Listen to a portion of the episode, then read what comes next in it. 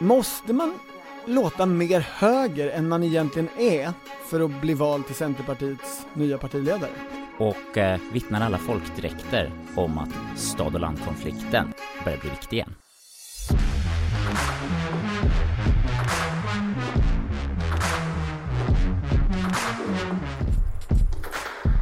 Det här är Politik med Torbjörn Nilsson och Henrik Torehammar. Henrik, eh, kommer du ihåg Sven Bergström? Ver verkligen inte. Eh, nej, inte det. Nej, jag kommer att tänka på, på honom häromdagen för det är ju Centerpartival nu. Och eh, Sven Bergström var centerpartist, riksdagsledamot från Hälsingland. Vilken era rör vi oss i? Eh, alltså han var väl det från någon gång på 90-talet till 2010. Okej. Okay. Och han var liksom den gamla sortens centerpartist. Alltså, eh, jag tror inte han skulle gilla Åsanis eh, marxistbegreppet, men hade liksom en bakgrund som inte var så olik miljöpartist, som många hade på landet. Alltså en liten otydlig ideologisk hållning som, som pragmatism. Ja, men jag, jag, tror han var engagerad i Miljöförbundet som ju sen blev Jordens vänner, bonde, eko, eh, Ekohumanismen. Stor, stor i orienterings eh, civila livet, stor i folkmusik civila livet. Han var jättemot kärnkraft, han var mot EU, han var liksom en klassisk, på 90 och 00-talet, vänsterröst i Centerpartiet. Och när Annie Lööf blev vald till Centerpartiledare 2011, då hade de ju en sån här turné där hon och Anna-Karin Hatt och Anders W Jonsson åkte runt i landet för att eh, prata och eh, ja, en primärval, vem av dem ska det bli? Vi har tre kandidater, välj en. Och i Hälsingland så mötte Annie Lööf Sven Bergström under den där turnén. Och det var det, det var, det var återkallelsen av att Centerpartiet återigen ska ha primärval som fick mig att tänka på Sven Bergström.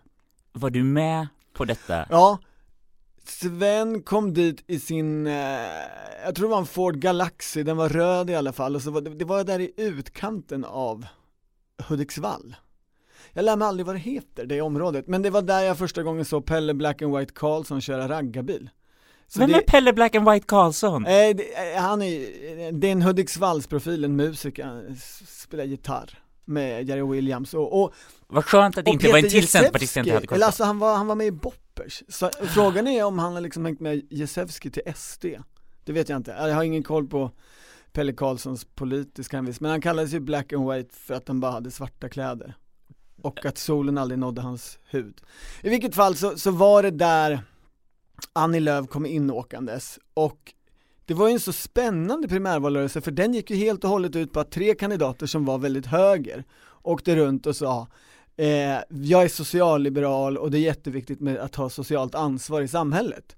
Alltså lät vänster på olika sätt. Och Sven Bergström som då redan hade fått lämna riksdagen och ju var ute, alltså han satt väl i, i kommunpolitiken säkert.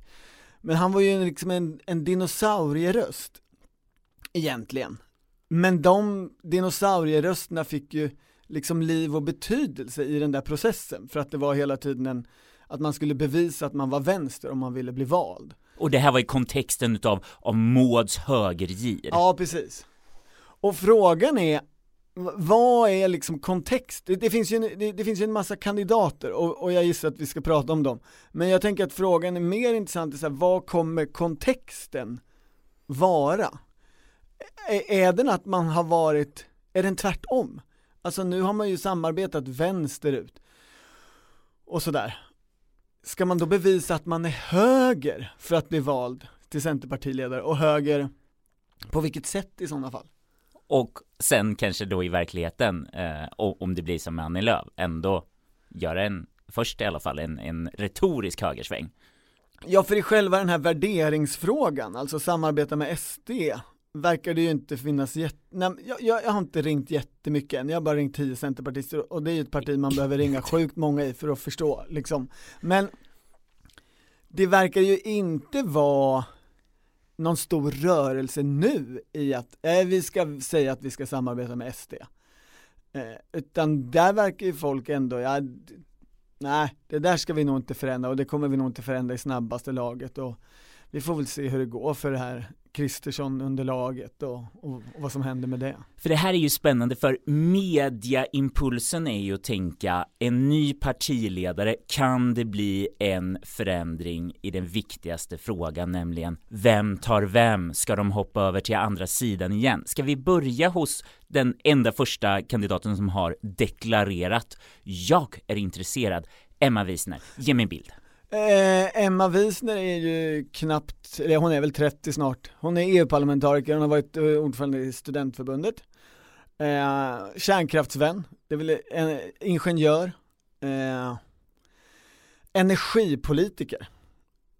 Mm. Och höger i någon slags allmän nycentermening. Men om den stora frågan är Centerpartiet tappade landet, kan man verkligen välja någon som bor i Bryssel då? Ja, hon kommer från Västerås och kan väl liksom visa upp en faluröd stuga på bild också. Det gjorde hon väl i, Dagens Nyheter där hon lanserade sin kampanj. En, en hund och en faluröd stuga. Och det var... Eller hus var det ett stuga är fel, fel att säga. Och det, det, det är väl signal om något. Och man får ju säga att det här, är, det här är ju en lansering på alla tydliga sätt. Viktor Bartkron, vår kollega på, på Expressen, han, han sa ju att, att hon lanserar sig i i Dagens Nyheter som väl för, dag, för, för nutida centerpartister är motsvarigheten till Land Lantbruk. Och det är ju dessvärre fel, för Dagens Nyheter är, måste ju i alla fall vara motsvarigheten till Land. Alltså huvudtidningen, familjetidningen, kvinnotidningen, den med de mysiga repen, inte, inte Land Lantbruk som bara handlar om liksom gris eh, ditt bästa sätt att fodra din gris. Din gris, du vill ha en tio gånger större gris. Mest, mest om grispriser på okay. olika sätt alltså. Vad kostar De fodret och hur, när, vad får du i slaktavgifter? Ja, du vet allt sånt. Eh, men det är ju en väldigt medveten lansering från studentförbundshåll, från eh, Hanna Wagenius, tidigare hon som inte kom in. Hon som inte kom in, står i Jämtland, det kanske står Jämtland bakom Emma Wiesner, kanske gör Västmanland det. Eh, eller så är det möjligen så att hon bara söker en plats i ett presidium eller en position som är lite bättre än den hon har idag man ska, alla sådana här primärvalsrace eh, har ju alltid kandidater som är där för att visa vad de vill med partiet men som kanske inte är reella partiledarkandidater. Jag lutar nog åt det eh, hållet. Det är det här som är så tråkigt i miljö och klimatdebatten. Miljö och, klimat, miljö och klimatdebatten. Att man inte lyfter varandras eh, styrkor och förslag. There's never been a faster or easier way to start your weight loss journey than with PlushCare. PlushCare accepts most insurance plans and gives you online access to board-certified physicians who can prescribe FDA-approved weight loss medications like Wigovi and Zepbound for those who qualify.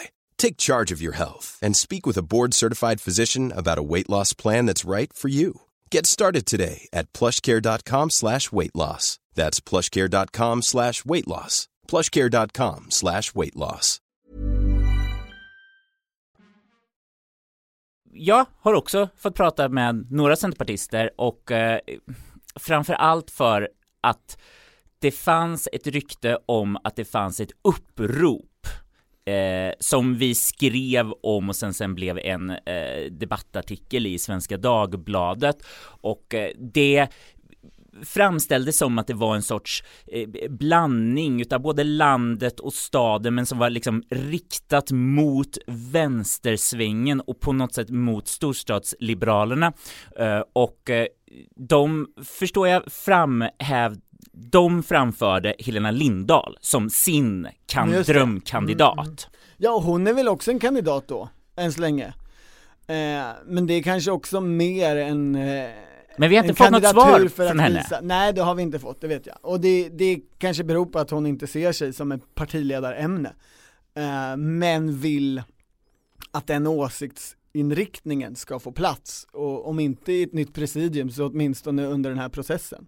Men det här är, det är det här gänget du kallar stövargillet? Nej, inte jag kallar stövargillet, utan det var det här som, som fångade mitt intresse. Det var ett rykte eh, och jag har inte fått det 100% bekräftat mer än att det sades att de, de här grupperna liksom när de började formera sig skämtsamt refererade till sig som stövargillet och jag, jag visste inte ens vad detta var. Alltså som stövare, hundrasen. Ja, och då förstår jag det som, återigen, utan att ha djup researchat frågan, alltså ett jaktlag med hundarna. Ja, det, det jag tyckte var spännande var ju just det här att de här lantliga, de sanna centerpartisterna som nu på något sätt hade varit nedtryckta i Annikulten nu skulle tillsammans göra en gemensam ansats för att attackera kanske två kandidater, eh, nämligen Martin Ådahl och Elisabeth Thand Ringqvist som på något sätt sågs som eh, representanter för, eh, ja, någon sorts statsliberalism och det finns ju ett mycket roligare ord för det, nämligen Stureplanscentern och då skulle vi äntligen kunna få sätta stövargäng, stövargillet mot Stureplanscentern, att det är väldigt gossiga Ja, mediala den, det, är termer. den, det är den rubriken du vill åt. Ja. Ja. Mm, ja, jag, jag, jag, jag, vill- jag, vill inte förstöra någonting, och framförallt så är det väl så att eh, Martin Ådahl är ju definitivt den, alltså den mest nedsnackade kandidaten hittills. Det, det, för det var väl lite... Men, men ja. jag, jag pratade med en person som inte vill ha Martin Ådahl som partiledare, det, det tror jag att den personen absolut inte vill. Eh, men som liksom slutade telefonsamtalet med så här. Tänk på, tänk på en sak nu. Räkna aldrig ut Martin Ådahl. Det finns ingen som vill så mycket som han. Och vill han något så ger han inte upp förrän han har fått det. Och, så det är intressant, för medialt så är det nog ingen som tänker sig att Martin Ådahl kan bli partiledare eller egentligen någonting i, i framtiden Centerpartiet. Att han, han har personifierat Annie Lööfs projekt så mycket så, så faller Annie Lööfs projekt så faller också han. Vilket kanske inte Elisabeth Hand Ringqvist har gjort för att även om hon kommer från typ samma centerstudentgeneration som Ådal och har ja, jag, svårt att åsiktsprofilera henne ärligt talat. Eh, men hon har ju inte tagit avstånd från Annie Lööfs Centerparti. Så har hon ju inte varit med. Hon har ju inte suttit i riksdagen, hon har, hon har varit utanför politiken i ett antal år. Så, så på det sättet kan ju hon komma in och hävda sig vara något nytt.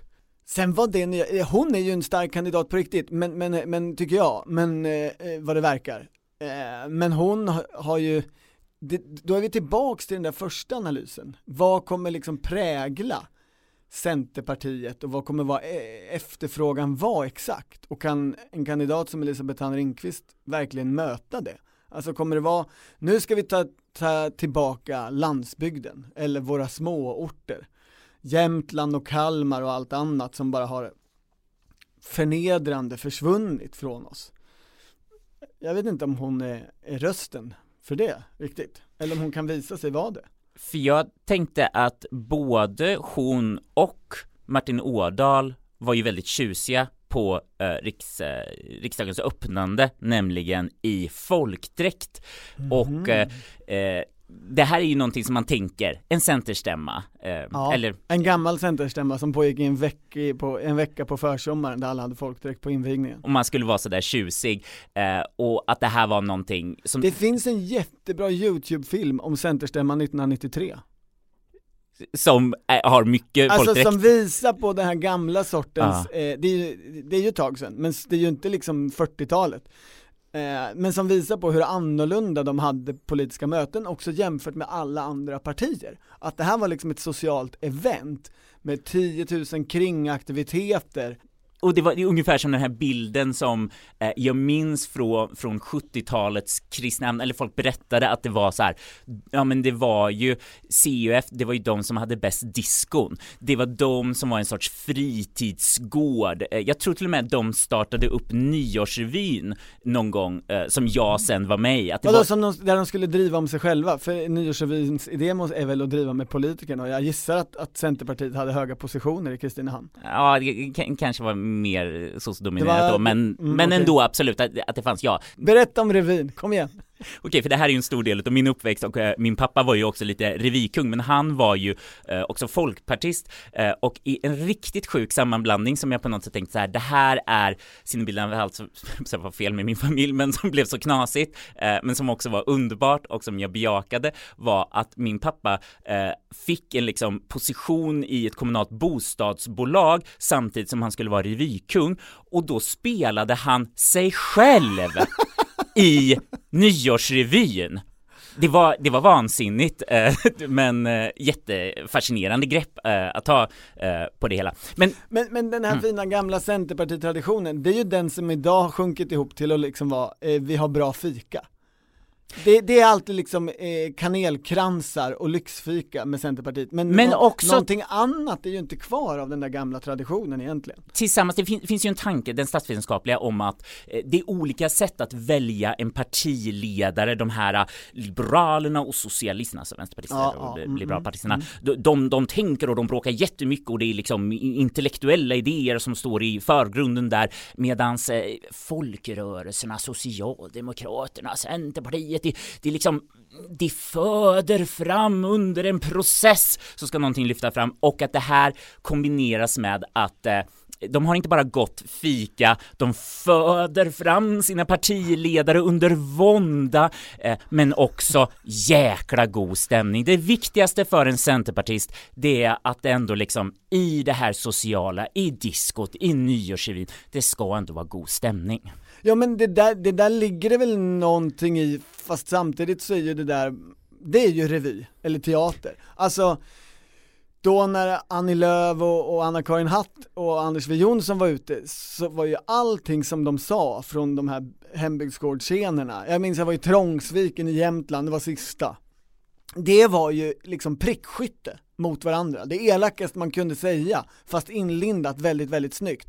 Alltså Anna-Karin Hatt sa alltid, en ny partiledare måste kunna fatta beslut själv snabbt. Och med det menade hon att det är bara jag som har regeringserfarenhet och vet hur det funkar inne i regeringskansliet. Eh, de här andra är ju amatörer, de, de är inte självständiga nog för att, för att fixa det här. Medans Annie Lööf sa, vi har regerat bort oss och blivit alliansens bästa vän. Vem var det hon sköt på då? Det var ju Anna-Karin Hatt som hade suttit och gjort det där tillsammans med Maud Olofsson. Så det var ju superelakt under den söta fina, eh, liksom ytliga kanelbullsytan. Nej, nej, nej, nej. Nej, nej, nej, nej. Så går det inte till. Välkommen till verkligheten. Idag så är det svårt att hitta, med undantag av det här stöva gillet, som ju hittills inte liksom lyckas få med sig några tunga namn i, i rörelsen ändå, måste man nog säga, så finns det ju inte riktigt några falanger. Och det, om man jämför det med för, liksom, ja men vid tiden för januariavtalet, då undervärderade, skulle jag säga, medier generellt konfliktnivån i Centerpartiet. Alla stirrade på, på Liberalerna då och hur mycket bråk det var där. Exakt samma konflikter och lika heta skulle jag säga var det ju i Centerpartiet. Men de höll ju tyst om det, för att de Ja, gillar tyst god tyst. stämning. Man behöver lyssna lite annorlunda på centerpartister, de är ju hober. Så man, det måste, man måste alltså i Tolkien-världen, Ja. man, det, man, det får ju ta sin tid liksom. Det tar sin tid och det är omständligt, men Det är många frukostar innan man kommer till lunch. Exakt, men, men då var det ju, då fanns det ju falanger. Alltså det, tre tunga personer, Emil Källström, Fredrik Federley och Eskil Erlandsson som alla uttryckte långt upp på de sena interna mötena skepsis mot januariavtalet som idé och skepsis mot förhandlingsresultatet. Alla tre är borta. Alla tre är borta. Så- Utav olika, väldigt olika skäl. Ja, då, och, och därmed har ju liksom fronten för den falangen liksom krackelerat bort. Och Men- Emil Källström säger ju att han absolut inte vill. Men absolut Nu. inte vill. Finns det ingen tjatmöjlighet? Finns det ingenting? Partiet är desperat. Vi kräva detta krull. Nej, jag tror inte det. Jag tror faktiskt inte det. Alltså, de som inte vill ha honom, men som är rädda för att det blir han, de säger eh, att han förstår att eh, han kan inte ta partiet dit han vill det, alternativt så säger de eh, Emil måste trugas. Och så säger de att han är lite lat. Eh, och det det kanske han är, och det kanske är därför han vill göra någonting annat i livet. Att vara typ bonde. Nej, nu håller han ju på med kemikalier, eh, i något kemikalieföretag. Eh, men det finns ju många andra kandidater i det här partiet. Okej, vi går från falanger till talanger. Vad har de? Vilken underbar övergång, förlåt. De har ju Ulrika Liljeberg, som är gammal kommunalråd från Leksand, nu är riksdagsledamot, också studentförbundsbakgrund. Eh, folk tvekar väl på om hon faktiskt vill, eh, men hon skulle väl på något vis kunna vara en landsbygdsröst. Och eh, å andra sidan så är det ju, ja förutom i Kalmar och Jämtland så är det just i de här Siljanskommunerna, några av dem, som det har gått riktigt, riktigt uruselt. Så då är det frågan, är det hennes fel eller var det för att hon kandiderade till riksdagen som det gick dåligt? Alltså att det inte var, att hon inte fanns på hemmaplan. Eh, ja, sen finns ju Daniel Bäckström som har blivit gruppledare. Han är ju och var ju i, i, vid januariavtalsdiskussionerna med i den här kritiska grupperingen. Det tror jag aldrig han har sagt öppet eh, eller, eller diskuterat, men det var han. Eh, och det vet han också om. Och han har ju en väldigt eh, lantlig framtoning. Han kommer ju från Värmland. Ja, och det är det, det Fast sannaste. inte din del av Värmland va? Nej. Längre uppåt Kölen. Säffle typ. Ja, det är väl, det är väl en bit mot Norge. Ja, och det, jag såg eh, sådana centerpartistiskt snyggproducerade videos på honom där han sitter på gården och det är så idylliskt eh, i bakgrunden eh, och han pratar förtroendefullt på dialekt. Tror vi att det blir en stark dialekt som är det som eh, kanske inte kommer rädda Centerpartiet men ändå tas som någon sorts intäkt för att det här är ändå eh, en, en röst för det som det gamla Ja bondeförbundet kommer, ändå. om det, om Ja. det blir det så kommer det inte bli Elisabeth Thand Ringqvist. Alltså hon kommer, vi kommer, om hon blir kandidat så kommer vi föra så sjukt mycket om Jämtland, där ju hon kommer ifrån. Hon kommer ha sin folkdräkt och hon kommer prata om Jämtland och liksom visa sina rötter.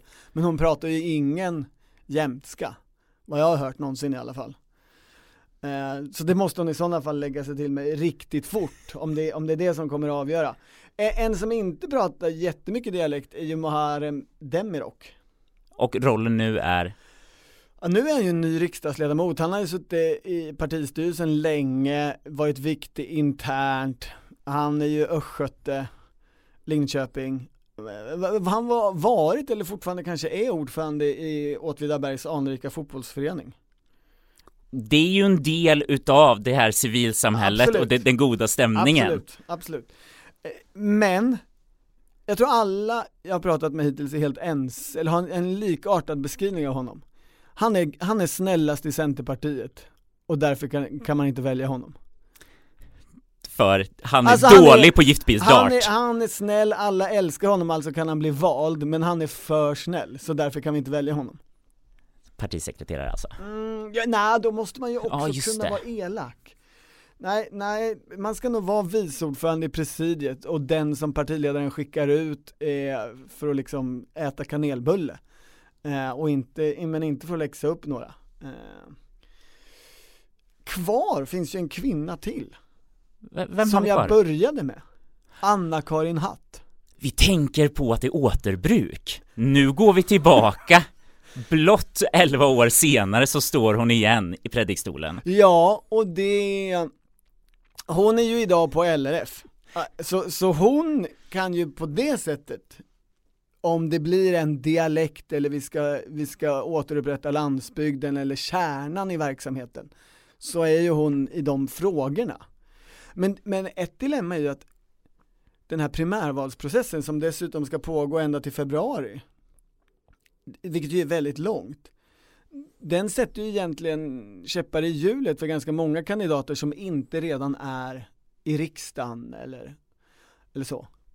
Alltså, jag menar, då måste hon säga upp sig från sitt jobb för att för andra gången i sitt liv kuska runt i landet och försöka bli vald till centerpartiledare och sen kanske inte bli det. Kan ju inte gå tillbaks till sitt gamla jobb. Och det är intressant den här gången, det är ju Annie Lööf själv som har bestämt den här processen och tidordningen som jag förstår det. Hon gick och sa jag slutar och det ska bli ett primärval. Det kanske också hon gjorde för att hålla undan vissa kandidater. Det är som En att tanke. minnet är långt hos centerpartister. Eh, och då kommer vi också till det här lite konstiga att vi får inte veta vad valberedningens profil eller kriterier är, i alla fall på frågor från media hittills, så har de sagt så här, "Ah, men det, det behöver vi inte prata om, och att själva eftervalsanalysen kommer så pass sent i processen att det, det blir i princip eh, väldigt så här, Annie Lööf har slagit fast politiken, vem är bäst på att genomdriva det här centerpartistiska som vi har redan kommit överens om, vilket väl då minskar möjligheterna för någon positionsförflyttning. Ja, och det är därför jag nog tänker att mer intressant än den här långa, långa räckan namn vi håller på att rabbla upp, är ju hur utvecklas den inofficiella valanalysen i Centerpartiet närmsta två månaderna? För det är den som sätter ramarna för partiledardiskussionen. Till skillnad från de två senaste gångerna Centerpartiet har valt partiledare så kommer valanalysen, den officiella, inte spela så stor roll. Men alltså Maud Olofsson ledde valanalysen efter nederlaget 98. Sen blev hon partiledare två och ett halvt år senare, eller om det var tre. Annie Lööf ledde valanalysen efter nederlaget 2010. Sen blev hon partiledare ett år senare. Det finns ett mönster här. Men i år så kommer ju då, som du säger, valanalysen tre veckor före partiledarvalet. Så det är inte valanalysens ordförande som kommer bli partiledare. Vem är, vem är valanalysens ja, ordförande? Christer Jonsson, han kommer från Emmaboda och är lokalpolitiker där. Ja, jag tror inte han blir partiledare. Eh, men däremot så kommer ju den diskussionen om valanalysen och den som rör sig lite mer dynamiskt i partiet, den kommer ju vara väldigt viktig. Och den tycker jag inte, varken jag själv eller någon annan av kollegorna riktigt har fått fäste på än och fångat. Den, det kanske beror på att den fortfarande är så rörlig. Det är ju långt, det är ju länge till februari. Och de ska fika flera gånger och Det är mycket som ska processas där i, jag på säga de fyra magarna. Ja, och när det, när det kommer till persona, jag ringde en person som, som plötsligt eh, kastade upp, jag vet precis vem som ska bli partiledare. Det är bara, det är bara det, det den, den personen har bara ett problem och det är att den kommer från Värnamo. Alltså därifrån Annie Lööf kommer, man kan inte ta en från Värnamo igen, det, det går liksom bara inte. Och jag bara, ja, vilken, vad är det för person då? Så satt jag och funderade länge och länge och länge och till slut kom jag på att det är Torbjörn Egerhag som i, i princip var Annie Lööfs mentor som nu har kommit tillbaka som, som, som kommunpolitiker. Och det, med det, det jag menar med det är att det, man ska nog heller inte bli helt förvånad om det dyker upp ett starkt kommunalråd eller regionråd. För det här är lite beroende på hur den där analytiska delen i, i, och snacket i partiet går så kan man ju landa ganska långt ifrån mediespekulationerna. Ska de inte bara köra på Lena Ek då? Det skulle verkligen vara återbruk. Kamrater, någon jävla ordning ska det vara i ett parti.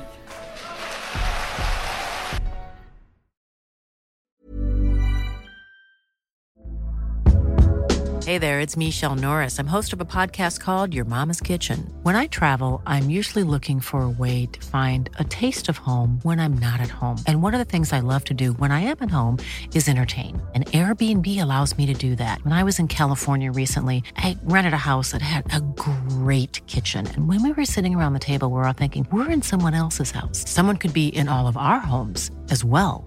If you have a home, but you're not always at home, you have an Airbnb. Your home might be worth more than you think. Find out how much at airbnb.com/slash host.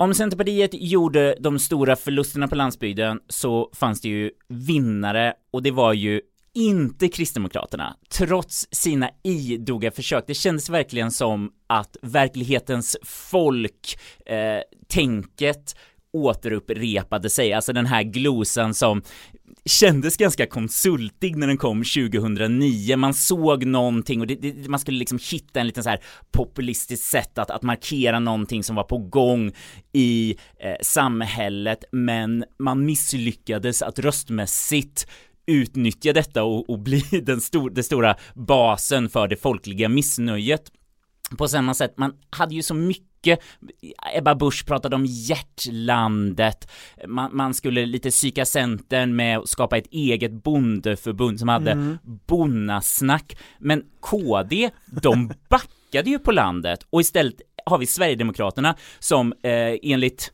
det är alltid lite svårt vad man ska säga, vad är landet? Men om vi pratar om eh, glesbygdskommuner så har nu Sverigedemokraterna 25 procent, en fjärdedel av rösterna där, medan de i storstäder bara har 16 procent av riksdagsrösterna, vilket vissa tolkar som att det här tyder kanske på att den här konfliktytan som inte brukar vara så framträdande i svensk politik, centrum och periferi, nej men den är på väg tillbaka och frågan är, ja, vad kommer det få för konsekvenser?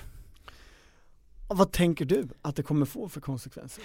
Jag, jag säga nästan att jag hoppas att retoriken blir om är det inte dags för det här sunda, kanske enkla, kanske lite dumma bonnaförnuftet att komma till Stockholm igen? Jag själv känner du, ju... Du är ute efter något slags 1914 års bondetåg? I... Alltså som, or som orkestreras av, av Stockholms konservativa överklasskrafter, men, men som ser ut att vara ett, ett stort folkligt uppror. Ja, kanske framför allt för att jag känner att jag som ibland uppenbarligen känner mig väldigt mycket lantis som Kristinehamnare, Ja. östvärmlänning känner så här, nej men jag vill också bli representerad. Den här identitetspolitiken, att vi ska ha folk med dialekt, eh, som, som på något sätt eh, är symbolen för det oförstörda och kommer med, med konkret förändring. Någon del av mig tilltalas väldigt mycket av detta. Eh, det som är lite spännande jag började skriva en text om det här, det, det också kom upp eh, folkdräkten och herregud Martin Ådahls vader. Det kändes som att de, de blir väldigt framträdande. När man har en liten knästrumpa så tänker man så här, wow, Kristersson, nu kommer du bli utmanad här, för det, är- det är fler som, som vill visa underbenen. Eh, Men den eh, saken åt sidan, så är det ju någonting spännande med att vi har ju ändå kvoterat härkomst i vårat valsystem. Vi har valkretsar. Tanken är att det ska finnas en direkt koppling. Geografi, där du bor, där du är ifrån, du ska förstå problemen. De sitter ju på sina landskapsbänkar, eller ja, Ja, sina mm, mm, länsbänkar, eh, istället för partivis, vilket egentligen är ju så konstigt för att det som alltid är viktigast är ju vad partierna tycker. Det är ju så all politik är organiserad och det finns det här ändå kvar och det parti som nu har blivit landets förkämpe, Sverigedemokraterna, de är ju en av dem som är sämst på den klassiska regionala representationen eftersom de har en riksdagslista som bland annat ledde till att helsingborgaren Pontus Andersson nu ska representera Västerbotten. Ja, de har ju väldigt många eh, som, som så att säga representerar ställen där de inte bor eller verkar eller kommer ifrån. Och det är det jag menar lite med den där bondetågsliknelsen, att det är ju, det är ju på något vis något slags landsbygdsuppror. Fast det är ju inte därifrån riktigt organiskt. Alltså, Sverigedemokraterna har ju luftlandsatt en massa människor för att representera olika delar och det här har väl lett till att Norrlands eh, delarna av det här landet egentligen knappt har, har mycket mindre representation än de hade i den förra riksdagen. Det, det, det ju... Om man då liksom tänker att, att en helsingborgare har av naturliga skäl svårt att, i alla fall direkt från start, vara representant för Norrbotten. Pontus Andersson sa till SVT Du, du har inte varit här förut va? Nej, precis. Okej. precis. Så eh, när jag åker upp dit i höst så blir det för, första det, Yes. så det ska bli spännande. spännande att för första gången i sitt liv åka till den valkrets som man nu ska representera. Okej, om man tänker på hur regionalt baserat Sverigedemokraternas makt är, tror du inte att deras riktiga slogan är Sverige åt skåningarna? Eh, det är ju ett skånskt parti mer än ett svenskt parti. De är ju i första hand Skånevänner och inte Sverigevänner. Det, det är ju en rimlig, det är ett rimligt förhållningssätt om man tittar på partiets historia och, och maktstrider och maktkoncentration. Eh, det, så är det ju. Men det blir ju spännande då, vad då kommer Pontus Andersson om två veckor börja driva sådana här saker som att det Eh, Norrbotten måste ju få ha kvar pengarna från vattenkraften. Ni- vi, vi måste Det måste vara större skillnader i pris mellan södra och, Sverige, södra och norra Sverige när det gäller el. det, det, där blir, det där blir intressant. Mm. Det blir väldigt intressant och eftersom centrum-periferikonflikten inte har varit så dominerande så verkar inte så många ha tittat så mycket på vad det egentligen betyder eh, att det här växer fram. Eh, vi ska snart prata om Irene Wennemos bok och där kommer ju faktiskt hon med en analys utav att klassdimensionen börjar tas över utav den regionala dimensionen och hon har förklaringen att förr i tiden var ju småstäder klassamhällen i miniatyr. Du hade eh, lokal domare, du hade en lokal rektor och du hade eh, brukspatronen som var eh, top cream of the crop på, Absolut. i småkommunen. Ja. Men de här har ju försvunnit och att då eh, blir mer känslan av att ilskan riktas inte mot lokal elit utan mot där makten sitter, Stockholm. Ja men det, det är intressant, för, för det, just, det stämmer ju så tillvida att, att det verkligen fanns en annan typ utav elit i småorter när man hade tingsrätter överallt och, och två, tre stora bolag som vars ledning satt på plats liksom.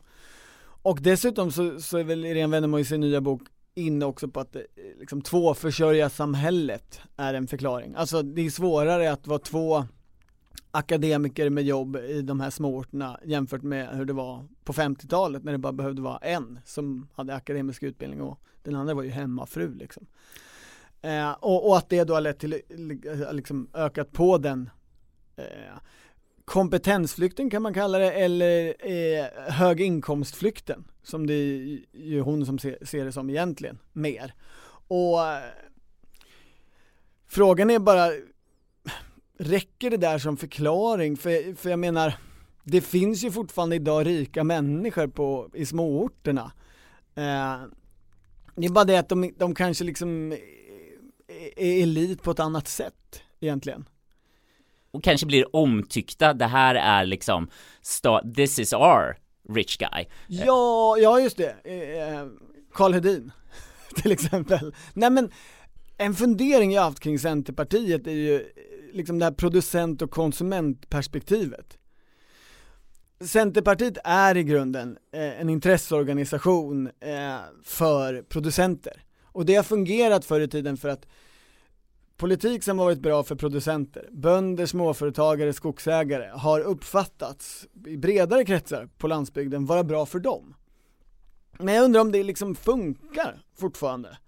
Alltså ta den här mandatperiodens stora saker från Centerpartiet i, i det här liksom ämnesområdet. Strandskydd. Bryr sig de här som har svikit partiet om strandskydd? Eller är det bara några få producenter eller ägare av skog som faktiskt vill ha eller tycker det är jätteviktigt med ett uppluckrat strandskydd?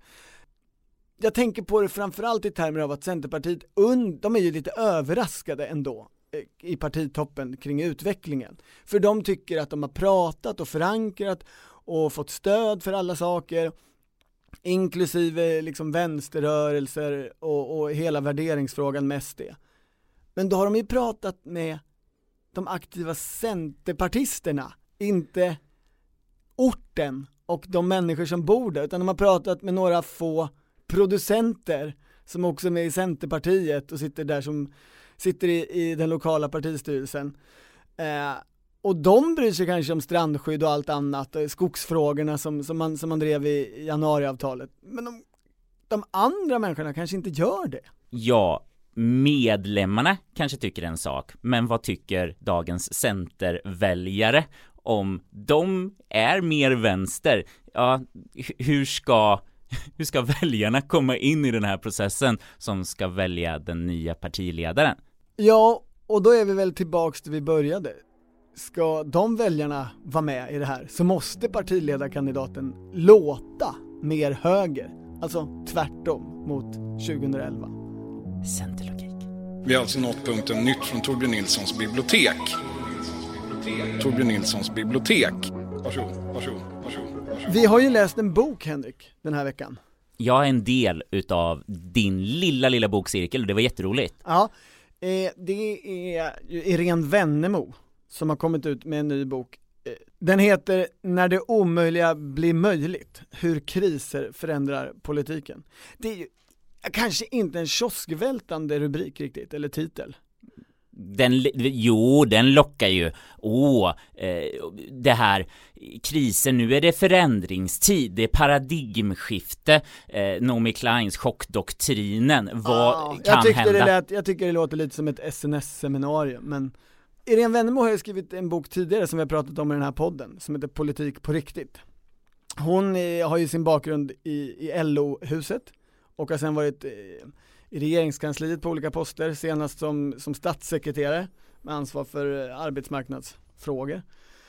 Idag är hon generaldirektör på Medlingsinstitutet och man måste ju säga att det är ju fint tycker jag, för hon är ju ovanlig. Det, det är inte många generaldirektörer som också har en parallell karriär som liksom intellektuella och som publicerar sig i bokform för att de har så mycket tankar som de behöver få ut om samhällsutvecklingen.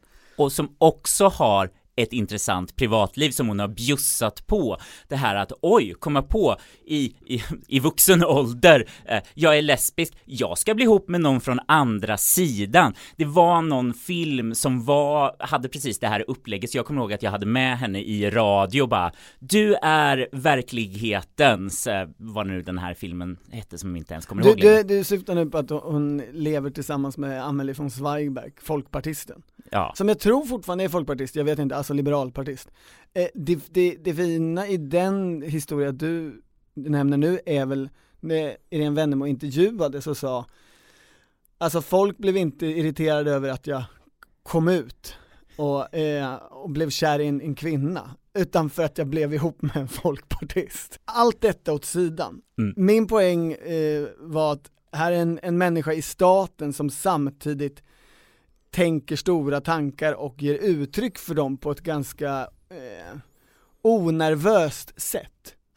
Det, den handlar ju om kriser, alltså pandemi, krig, inflation, hur så att säga stor förändring görs möjligt. Hon brå, målar med väldigt bred pensel, det är ganska mycket historiska tillbakablickar. Vi är på 30-talet, vi är på 70-talet, vi har liksom goda år, vi har hemska år och Ja. eh, hon målar verkligen en bild, eh, jag tyckte det var spännande hur hon beskrev att så här, nej men just nu är vi, vi är i konstanta kriser de senaste tio åren och jag kände lite så här, ja men det, det här känns ju som, som mycket kopplat till pandemin, det här att, att ens eh, vad är det, antiinflammatoriska systemet konstant utsatt för eh, någon sorts chock, eh, liksom hela tiden attackerat och man känner sig, nej men det här är ju, det är ju recept för att bli utbränd slash liksom lång-covid sjuk. Vadå, nu menar du att, svensk- Samhällskroppen. att sven, den svenska samhällskroppen eller politiken eh, har långtidscovid? Förmodligen. Mhm, ja jag förstår. Mm. Det, ja men hon gör ju ett case för att vi befinner oss i en brytningstid av samma dignitet som på 30-talet eller 70-talet, alltså att ekonomiska paradigm faller samman, eh, de funkar inte som det är tänkt, sambanden som man trodde existerar inte längre. Den mest intressanta delen i boken är, är den som handlar om den politiska krisen. Alltså det parlamentariska läget de, de senaste tre mandatperioderna. Eh, jag tycker att en central mening är den här. När Magdalena Andersson vann den andra statsministeromröstningen blev det den tredje regeringen under året 2021. Och det var dessutom tredje gången som Andersson fick vara med om att inte regera på sin egen budget. Här, här påvisas, det Irene Wennemo gör i kapitlet om den politiska krisen är det som de svenska statsvetarna fortfarande inte har lyckats prestera. Fast det har gått 12 år sedan vi liksom gick in i en ny parlamentarisk era.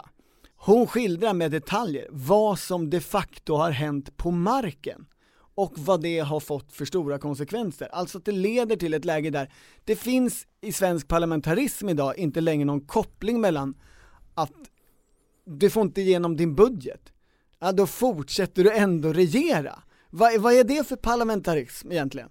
Eh, liksom grundkonceptet är ju Förlorar du en stor och viktig fråga som regering så avgår du, eh, för då har du inte stöd. Och det här är första gången jag läst någon som, som har beskrivit hela den perioden, från 2010 och fram till idag, som faktiskt lyckas fånga både orsakssambanden och effekterna så jag tycker att den stora behållningen, och det tror jag inte är syftet med boken, eh, för det här är ju egentligen en, inte en transportsträcka men så att säga en bakgrund till större kriser hon vill peka på. Men, men det, den stora behållningen med boken tycker jag är, är skildringen av den politiska krisen. För hon lyckas liksom göra det till en kris lika stor som pandemin. Jag får säga att jag gjorde kanske inte den bästa läsningen, 170 plus sidor snabbläsning, men det var väldigt skönt att inte vara mitt i på ett sätt är man ju skyttegravarna eh, i den här boken, men när man får lyftas upp och se de stora perspektiven så kunde man få andas ut lite. Det, det var jätteskönt. Mm. Eh, var, det, var det så skönt, men det, det är en ganska deprimerande bok Mm. också. Det är mycket elände i den här boken. Men då tänker jag, men det har Men du varit kanske hittade en nyckelmening som hade liksom optimism och eh, framtidstro i sig. Alltså nu kommer du, nu kommer du gilla, nu kommer journalisten, nu kommer eh, den här eh, mannen som, som är ute på primärvalskampanjer, som åker bussar, som, som färdas och, och liksom vill se kött och blodet och få en berättelse. Nu, nu kommer du verkligen bara ah, e- explodera i en sorts eh, mindre orgasm. Antagligen är världen på väg bort från det underliggande deflationstryck som har funnits under ett par decennier. Det tycker du är nyckelmeningen i den Okej. här boken? Ja, För att- berätta, Ja. utveckla det lite. Nej men jag tänker att det här är ändå Medlingsinstitutets GD Ja. som har ett klart uppdrag, nämligen att varna för inflationen. Jag sökte på inflation, det var så många mentions utav inflation i den här texten och såklart, vad är många ekonomer, politiker rädda för? Jo, det är ju inflationsspiralen från 70-80-talet att när det blir prisstegringar i samhället så säger både fack och arbetsgivare ja då får vi höja löner och så bara fortsätter det här att springa iväg Mm. och det här är ju en kvinna som är förälskad kanske inte så mycket i Amelie som i märket alltså den här idén om att M- det... märket i, i lönerörelsen. Ja, idén om att det är de konkurrensutsatta facken, eh, framförallt industrifacken, Mm. som får säga så här, vi, det är vi eh, som sätter hur mycket, det, det finns möjlighet att ta i eh, höjda löner. Ja. Och alla andra kommer liksom hålla ner det hela. Och hon pratar ju, återkommer hela tiden om att vi har det här systemet, det här är en av våra erfarenheter. Eh, och hittills så har parterna sagt så här, nej men det kommer inte bli höga löneökningar den här gången. Eh, och men det här är ju baserat på att man tänker sig, ja men för snart så kommer inflationen gå ner, det kommer bli reallöne ökningar snart igen. Men samtidigt så säger hon det här andra och, och det är ju frågan så här om det har funnits en global situation där eh, vi har tänkt på låg inflation och därmed låga räntor så har det ju varit att ja, Kina har varit världens fabrik, det har kunnat produceras billiga saker hela tiden och framför allt så har den demografiska situationen i resten av världen sett ut så att det strömmar ut bönder till eh, och börjar jobba i industrierna och det finns inte så många gamla att ta hand om. Ja. Men nu börjar till exempel Kina gå bort och känna oj, vi har väldigt få barn som har fötts, vi har haft en alldeles för restriktiv politik på den sidan. Det tar tid att ändra, i alla fall i, andra länder, eh, en, en sån eh, väg framåt. Och också att vi får många äldre och då plötsligt så börjar det konsumeras upp eh, de här resurserna som liksom har byggts upp och då är frågan om vi kanske har den här höga inflationen globalt kan verkligen de här fina sakerna som 90-talskrisen lärde de svenska institutionerna, kom, kommer vi kunna behålla dem? För de varnar ju jättemycket för att så här, pensionsuppgörelsen är hotad, de, de liksom, ordning och reda i finanspolitiken, fast det verkar jag också tycka kanske är lite bra att det Ja, förändras. men det här är spännande, i hela din utläggning nu så illustrerar du ju boken väldigt väl. Alltså hur den, hur den går från någon enskild sak, en lönerörelse som ska genomdrivas i Sverige närmsta året. Fast det säger hon ju inte riktigt uttryckligen, men, men det är roligt att du har på skinnvästen och är liksom granskande murvel, för du ser henne mer som generaldirektören än som den Och framförallt, fria intellektuella. och framförallt antidemokraten. Ja, okej det får vi ta upp sen. Eh, Nej, låt, låt det hänga, låt det hänga bara. Hon hatar demokrati, men vi fortsätter. Men, men du illustrerar ju hur, man, hur, du- hur, man, hur det- hon i boken tar det från en sak och sen blir det väldigt stora megatrender och globala rörelser och, och sådär. Och, och en ganska tydlig slutsats om att det kommer, vi är inne i ett så stort brytningsskede eh, så väldigt mycket av det vi tog för sant kommer försvinna. Hon pratar ju till exempel om det blir mer av regional handel istället för global handel. Eh, hon pratar ju om att ja, alla ekonomiska doktriner liksom behöver i princip återuppfinnas eller någonting nytt måste komma. Och som du är inne på, hon är ju också barn, lite självkritiskt eller internkritiskt barn av det svenska socialdemokratiska 90-talet.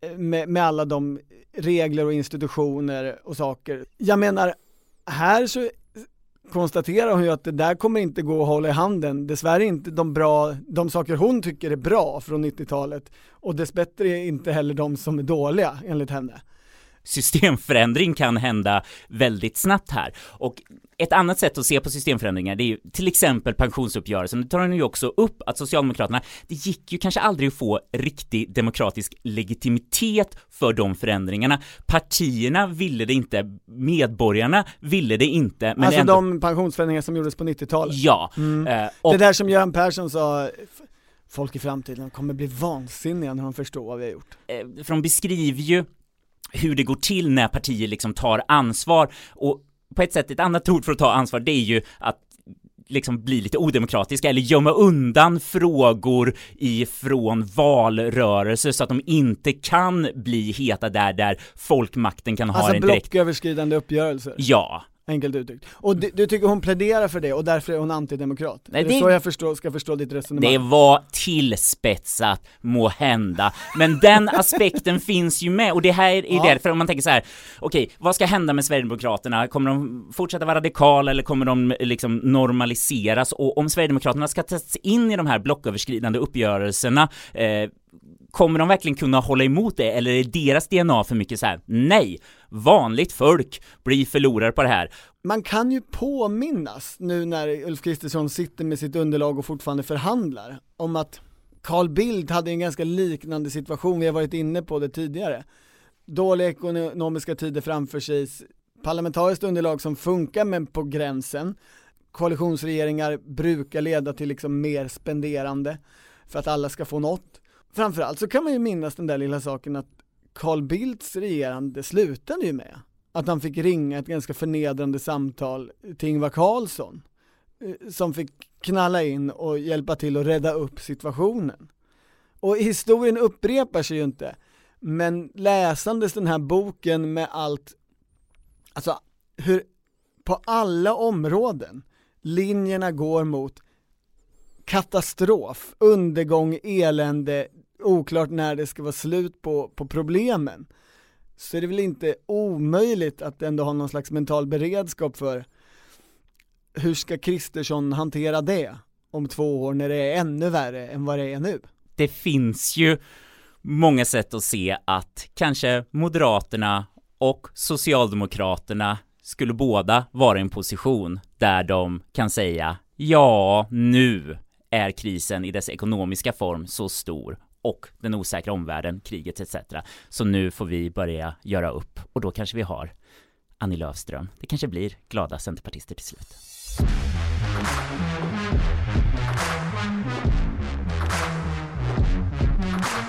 Du har lyssnat på Politiken, en podd från Svenska Dagbladet. Producent Mattias Dellert och ansvarig utgivare Anna Karleborg.